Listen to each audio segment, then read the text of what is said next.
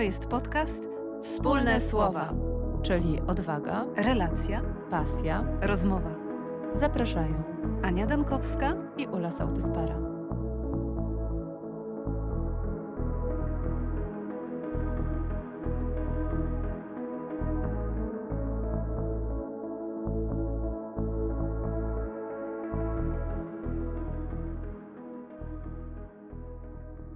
Witamy. Witamy. Zapraszamy do dzisiejszego odcinka.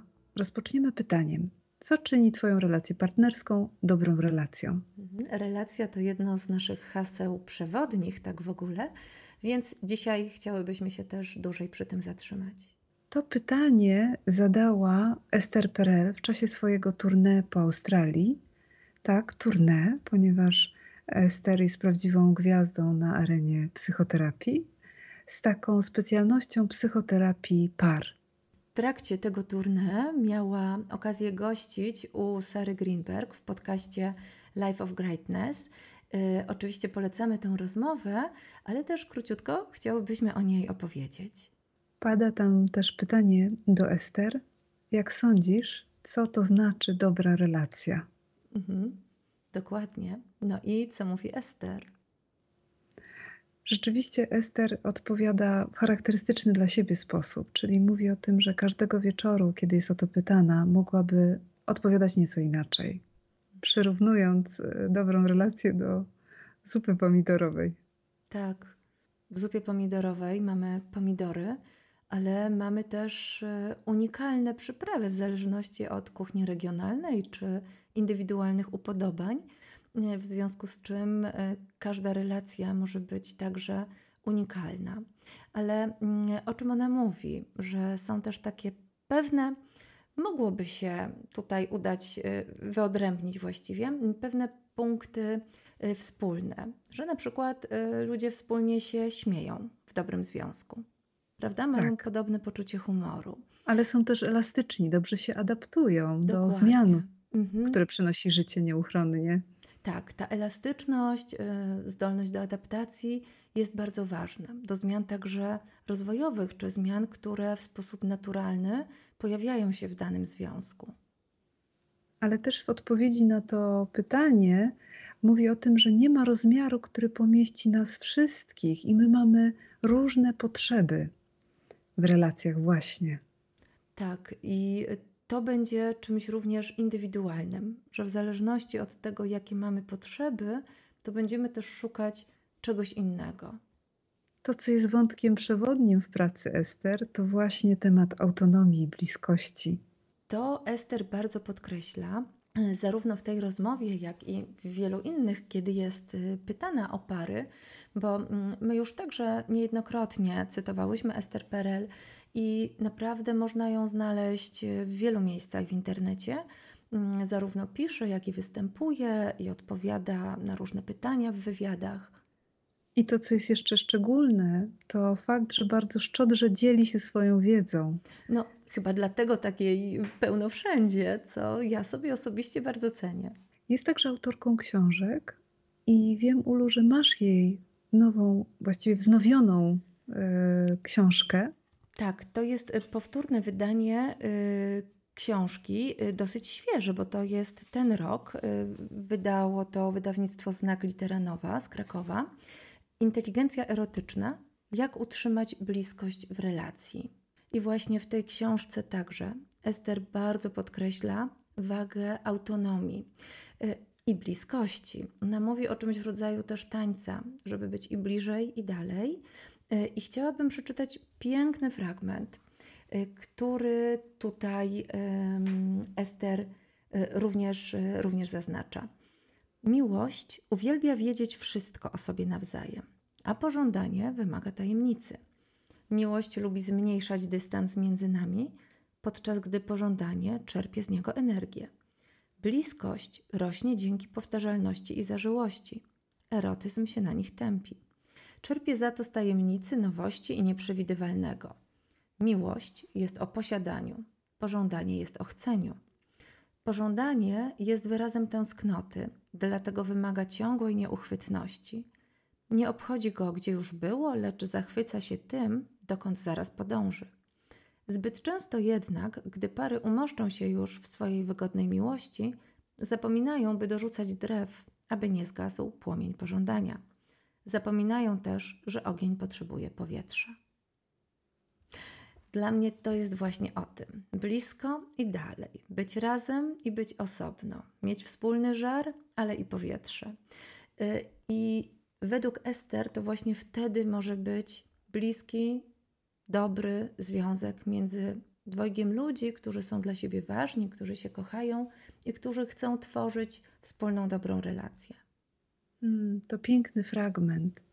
W tej rozmowie y, Ester także pojawia się taki moment, gdy opowiada o bliskości w kontekście wyzwań, które stoją na naszej drodze. Czasem to jest choroba, czasem to jest wypadek, czasem to jest jakieś trudne doświadczenie.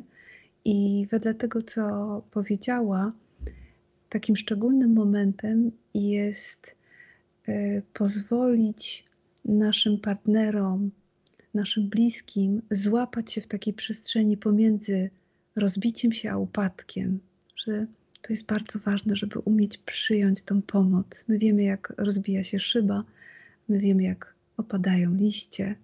To jest tak niezwykle ważne, żeby pozwolić swoim bliskim e, dać sobie pomóc. Mhm. Y, tak, i, i także ja nie pamiętam, czy ona w tej rozmowie o tym mówi, y, ale wspomina, że na różnych, y, czy, czy to w innej było rozmowie, już sobie chyba nie przypomnę, że na różnych etapach y, zmian rozwojowych y, jest większa podatność na powstawanie różnych kryzysów. Y, Tutaj w książce Inteligencja erotyczna podaje kilka przykładów, kiedy to macierzyństwo zmieniło pewien rodzaj bliskości, w tym także wpłynęło bardzo na życie intymne, seksualne, dotąd tylko pary, a od któregoś momentu też rodziców.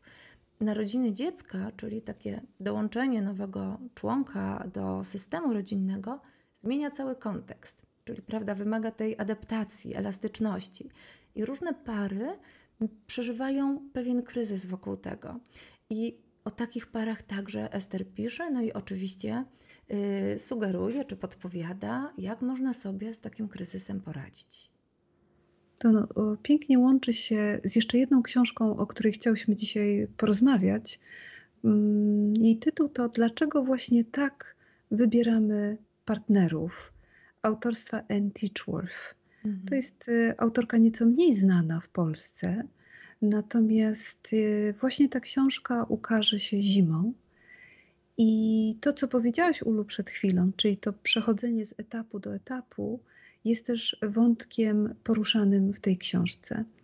Y, według Anne Teachworth to właśnie przechodzenie przez różne etapy może uruchomić coś, co pomoże parze być bliżej, a może czasem pogorszyć wzajemne relacje i uaktywnić wzorce z przeszłości, które mogą bardzo tą parę obciążyć. Ten kontekst systemowy jest czymś, o czym często tutaj mówimy. Mówimy też o przekazach rodzinnych. I wstęp do tej książki został napisany również przez autorkę, o której opowiadałyśmy jakiś czas temu. E, właśnie mowa o N. Schutzenberger czyli książce Tajemnice Przodków i Psychogenealogia w praktyce. E, my wiemy, e, że zarówno N. Schutzenberger, e, ale też Teachworth badała właśnie tą ukrytą lojalność wobec tych wzorców rodzinnych. Ale takim wiodącym wątkiem w tych książkach jest właśnie temat, jak zaprzestać powtarzania tych wzorców. Mhm. Dzisiaj robimy tylko taką zajawkę krótką o tej książce, y, która mm, wniesie, mam nadzieję, bardzo dużo cennych, dobrych informacji dla, dla wielu par, a także i sugestii dla terapeutów par. I faktycznie tam również Anti Teachworth wprowadza ten temat tych momentów trudnych dla danej pary bo to chyba w ogóle często jest spotykane w ujęciu systemowym, bo to są takie momenty, kiedy często pary czy też rodziny zgłaszają się po pomoc i, i, i szukają mm, pomocy mm, u psychoterapeuty, i wtedy również przyglądamy się tym przekazom po przodkach. W czym niezwykle pomocna jest praca z genogramem, na przykład, gdzie możemy szukać czy wzorców relacyjnych, czy przekazów rodzinnych, czy jakichś mitów z pokolenia na pokolenie przekazywanych dalej. I to, o czym pisze Teachworth, to właśnie nawiązuje do tego, o czym powiedziałaś, y, do tych niedokończonych spraw oraz, oraz niezaspokojonych potrzeb w danym systemie rodzinnym. Mhm. I te historie partnerskie, one są zapisane w tych rodowych y, opisach i my wiemy, które z tych wzorców nam służą, a które nas obciążają. I czasem to są po prostu ukryte emocje, czasem to są jakieś konflikty, czasem jakieś straty, traumy, do których doszło w tych poprzednich pokoleniach, czasem to są po prostu tajemnice. A dobrze wiemy, że nic nie obciąża y, kolejnych pokoleń, tak jak właśnie y, tajemnice. I jeśli chodzi o te zapisane w nas historie, to Ann Teachworth przyrównuje je do języka ojczystego, czyli u niej pojawia się takie pytanie, co jest językiem ojczystym Twojej relacji? Y, często pytała pary, które do, do niej trafiały, y, dlaczego mówicie w języku angielskim? Mhm. Ponieważ pracowała w języku angielskim, to było adekwatne pytanie. I te kolejne to było, jakim językiem relacji partnerskiej posługujecie się na co dzień. Takim znanym e, i cytowanym zdaniem wypowiadanym przez N było, że i twój świadomy umysł poszukuje idealnego partnera, ale twój nieświadomy umysł poszukuje idealnego dopasowania. Mhm. Y, to tak jakby intuicyjnie i podświadomie y, nasz, no właściwie powinnam powiedzieć nieświadomie, wybór dokonywał się tak automatycznie, bo ten język, prawda? Y, N pisała po angielsku, ale jeżeli my tu jesteśmy osadzone w języku polskim, no to dzieci urodzone w Polsce, w polskich rodzinach, w sposób naturalny przyswajają język polski. Każdego innego języka potrzebują się już uczyć. Trochę świadomie i bardziej uważnie, ale to też jest możliwe oczywiście. I znamy już taki termin jak wewnętrzne dziecko. Wiemy, że wewnętrzne dziecko to tak naprawdę e, taka reprezentacja wszystkich naszych uczuć, doświadczeń z dzieciństwa.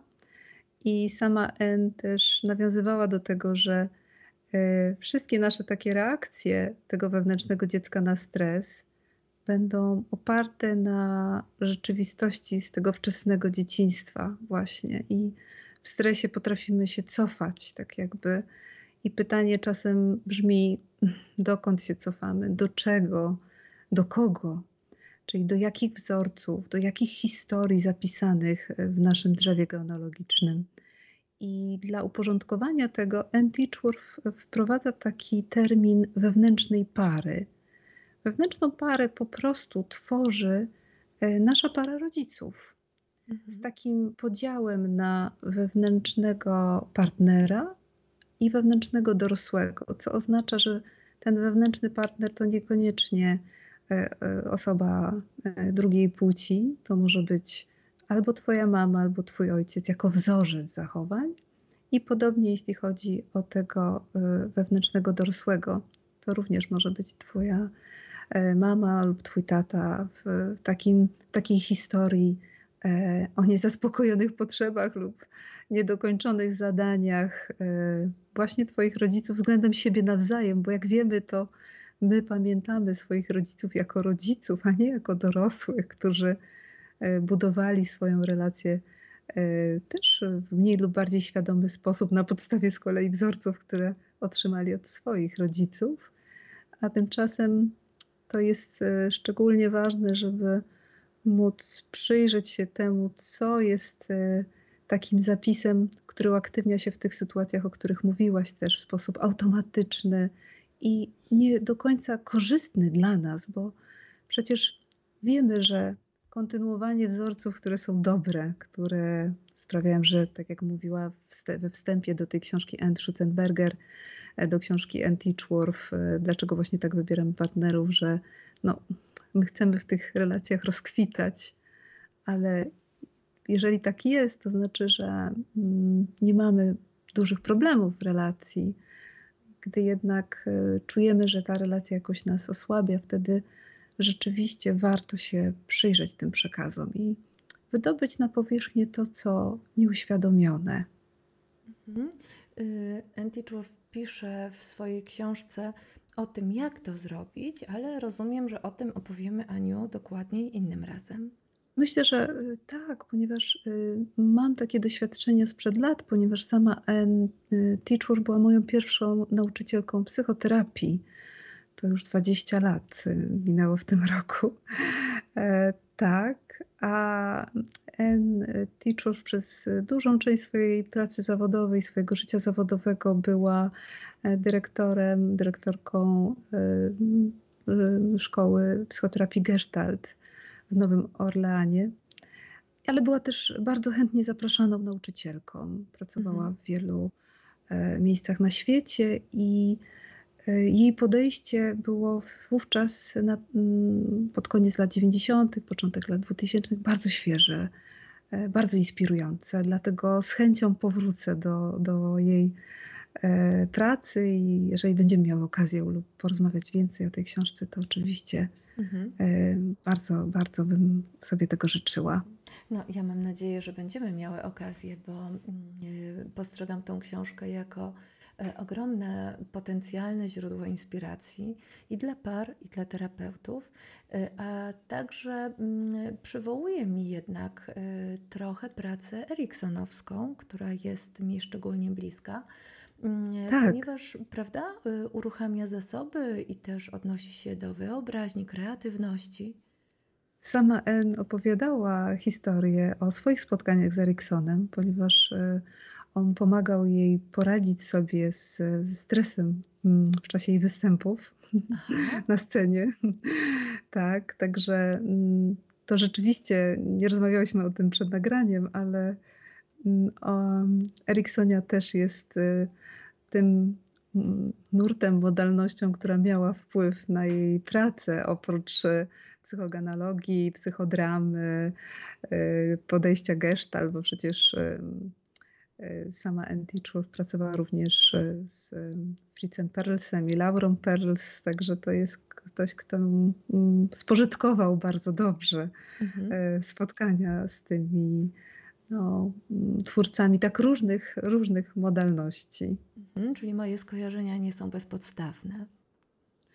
I też N była bardzo ciekawa, jaką mm, historię sami sobie opowiadamy o tej E, relacji partnerskiej i w takim poszukiwaniu sposobów na to, żeby rzeczywiście mm, móc poprawić swoją relację lub też zadbać o to, żeby wybierać inaczej niż w związkach, które z naszego punktu widzenia nie, nie były takie, jak sobie tego życzyliśmy. Więc faktycznie mam nadzieję, że ta książka jakoś się przyda e, wielu osobom. Ale dzisiaj chciałyśmy też e, porozmawiać o jeszcze jednej książce, mhm. E, która mm, w taki znaczący sposób rozprawia się też z pewnymi schematami. Mhm. To jest książka, która także dotyczy przekazów rodzinnych. Dlatego nawiązuje również e, do książki Anne Teachworth, albo to je łączy. Tak, że pojawiają się tutaj pewne mity, pewne obciążające przekonania, które ze sobą niesiemy. A mowa mianowicie o książce Uwięzieni w słowach rodziców, jak uwolnić się od zaklęć, które rzucono na nas w dzieciństwie. Y, autorami są Agnieszka Kozak i Jacek Wasilewski. Znamy y, zapewne ze swojego życia taki moment, ponieważ o tym właśnie y, mówi ta para autorów w tejże książce, kiedy wypowiadamy jakieś słowa na głos i orientujemy się, że już je słyszeliśmy w swoim dzieciństwie i może nawet wtedy, wówczas obiecaliśmy sobie, że nigdy nie padną z naszych ust. Tak, a niejednokrotnie pojawiają się automatycznie, szczególnie w stresie, szczególnie w sytuacji silnych emocji, kiedy wyłącza się nam takie świadome, czujne myślenie kontrolowane i uruchamiają się właśnie automatyczne, instynktowne reakcje. I znowu po raz kolejny cofamy się tak do słów, które kierowano do nas i do tych zapisów bardzo wczesnych, czasem do takich, które nie są do końca uświadomione, bo na przykład były to słowa kierowane do nas, kiedy byliśmy mm, kilkulatkami na przykład. Mhm. To są przekazy, które najczęściej, a być może nawet zawsze, wynikają z dobrych intencji rodziców. Tylko ponieważ oni czują się bezradni albo mają znowu swoje automatyczne style zachowania i schematy, które się im włączają, y, to oni je wypowiadają, a my je wtedy przyjmujemy, a w dorosłości, choćby już nie były potrzebne, to nadal nami sterują. Tak, jak na przykład musisz być dzielna, czy weź się w garść. Czasem te słowa nie tylko wynikają z bezradności, ale również z lęku, mhm. ze strachu. Mhm. mhm. Tak, no bo to jest ta dobra intencja, że generalnie przyświeca rodzicom dobra myśl. No bo nie chciałabym, żeby tutaj zabrzmiało to, że obwiniamy rodziców. To zresztą często pojawia się podczas pracy terapeutycznej, kiedy pacjenci boją się być krytyczni gdzieś wobec zachowań własnych rodziców z powodu lojalności. I mówimy, że tu chodzi o zrozumienie. Tu nie chodzi o to, żeby obwiniać kogoś, tylko zrozumieć, co się działo, być może dlaczego się tak działo, mm, temu się przyjrzeć, aby móc coś zmieniać teraz w dorosłości, kiedy mamy już wpływ na swoje życie.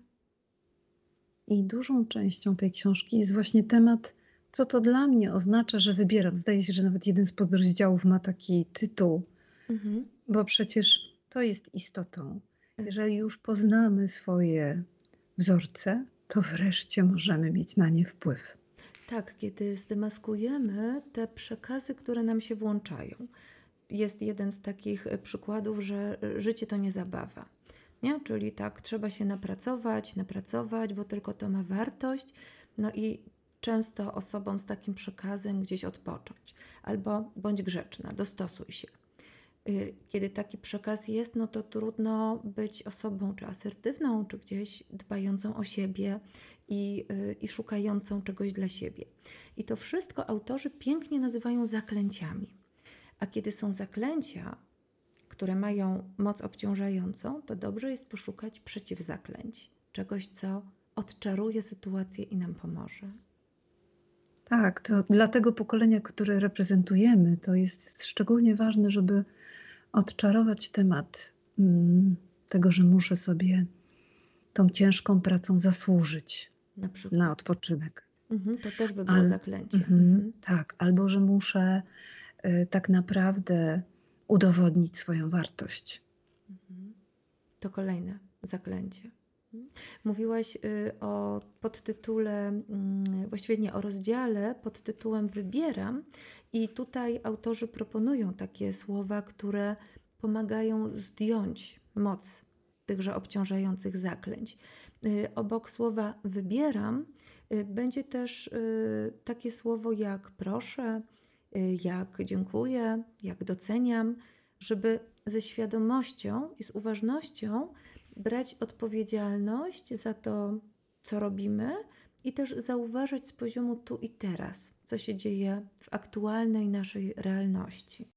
Tak, i zdejmowanie zaklęć i wprowadzanie zmian y, to jest obszar, który właściwie jest nam najbliższy w psychoterapii. Tak, to właściwie jest taki proces, no nie? To jest takie mm, szukanie czegoś innego. Y, ja sobie myślę, że też metafora zaklęć i czarów y, pojawiła się, kiedy, przynajmniej kiedy pracuję też z rodzinami, to, to można y, spożytkować czy odnieść się do Harry'ego Pottera. I często też korzystam z tej metaforyki, no bo i tam mamy zaklęcia, i tam są przeciwzaklęcia, i tam szukamy dla siebie patronusa, który może dawać jakąś moc i uruchamiać siły ukryte w nas.